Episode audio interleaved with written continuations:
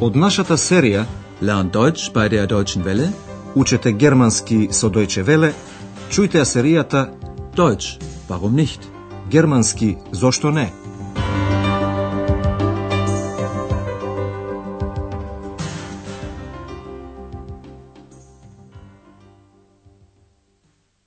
Liebe Hörerinnen und Hörer.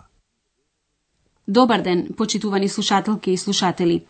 На седмата лекција од првата серија под наслов Ти си чуден, du bist seltsam. Во последната емисија, доктор Тирман покаже интересирање за личноста на Андреас и почна да го прашува многу работи, како на пример што прави. Андреас му одговори дека студира новинарство и дека во рамките на студиите истражува и прави репортажи. Чујте го уште еднаш првиот дел од разговорот. Sagen Sie mal, was machen Sie? Studieren. Was studieren Sie? Journalistik. Und was machen Sie da? Recherchieren. Reportagen schreiben. Interessant. Sehr interessant. И самите чувте, доктор Тирман сето тоа го наоѓа за мошно интересно. Тој се простува од Андреас со несекојдневното прашање дали му се потребни пари. Sie brauchen doch das Geld, oder? Андреас, размислувајќи се врати на своето работно место, на рецепцијата во Хотел Европа, каде што го чека Екс. Чујте го разговорот меѓу Андреас и Екс. Тука ќе се сретнете со зборот човек, менш, луѓе, меншен. Ваша задача е да откриете што студира Екс.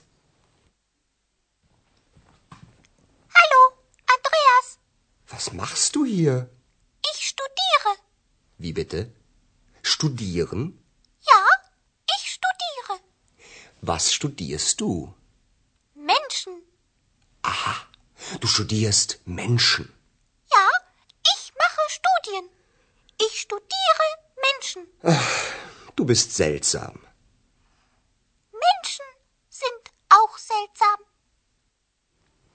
Екс значи ги студира луѓето. Андреас пред тоа му рече на доктор Тирман дека студира.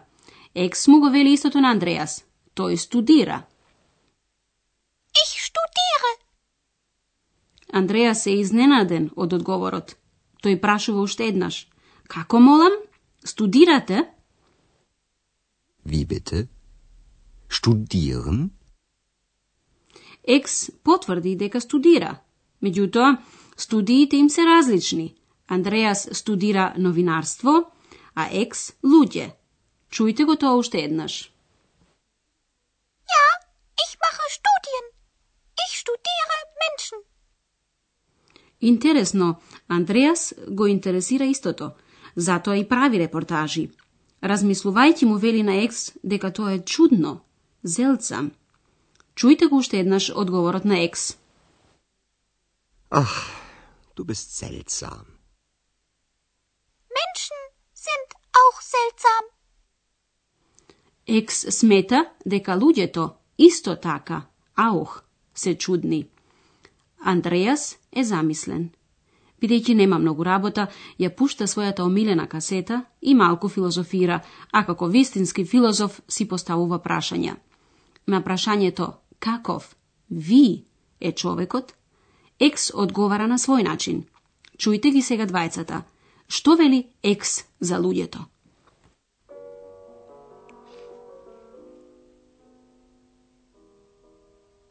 Menschen. Hm. Der Mensch. Hm. Wie ist der Mensch? Unhöflich, müde, interessant und seltsam. Wie bitte? Was?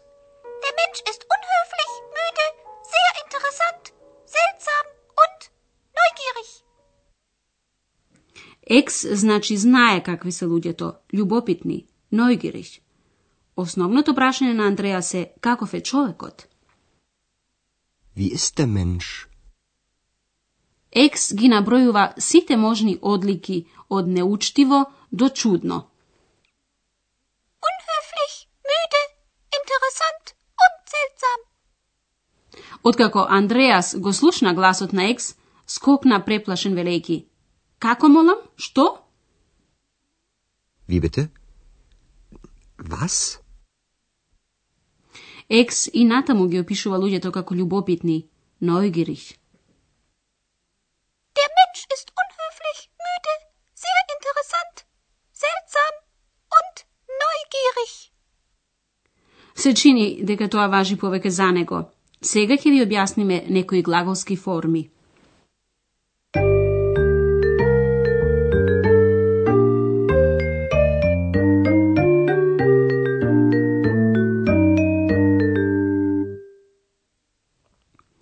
Станува збор за глаголскиот завршок. Во германскиот глаголите се конјугираат. Глаголскиот корен го добиваме кога од инфинитивот ќе го отстраниме завршокот «н». Веќе знаете дека доктор Тирман и Андреас се ословуваа со вие, зи. Во учтива форма глаголскиот завршок е «н», исто како и во инфинитив. Was machen Sie hier? Was studieren Sie? Андреас и екс, меѓутоа, се ословуваат со ти, ду. Глаголот завршува со ст. Was machst du hier? Was studierst du? Екс на прашањата на Андреас одговара во прво лице со јас, их, и со соодветниот глаголски завршок е. Ich studiere. Ich studiere Menschen. Ich mache Studien. Се запознавте со три глаголски форми. Прво лице еднина е јас, их и завршокот е е. Ich studiere Menschen. Второ лице еднина е ти, ду и глаголскиот завршок е ст. Was studierst du? Was machst du? Второ лице еднина во учтива форма е вие, зи. Глаголот завршува на н. Was studieren Sie? Was machen Sie? Во емисијава слушнавте уште една глаголска форма. Menschen sind auch seltsam. Формата се, sind, во овој пример е трето лице множина од е, sein.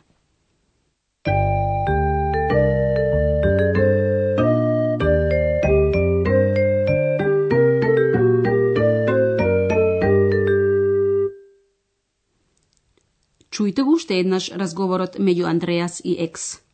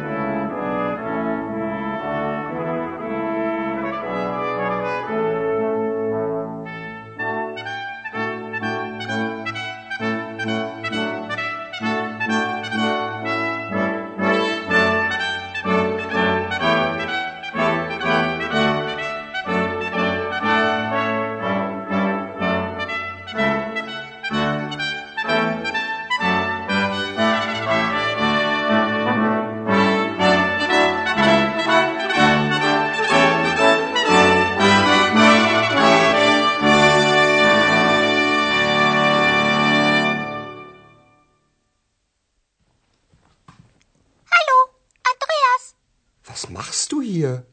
Ich studiere. Wie bitte? Studieren? Ja, ich studiere. Was studierst du? Menschen. Du studierst Menschen.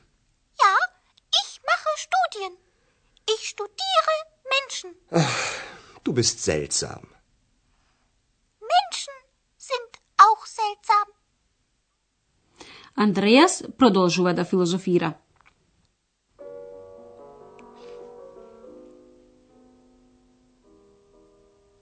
Menschen. Der Mensch.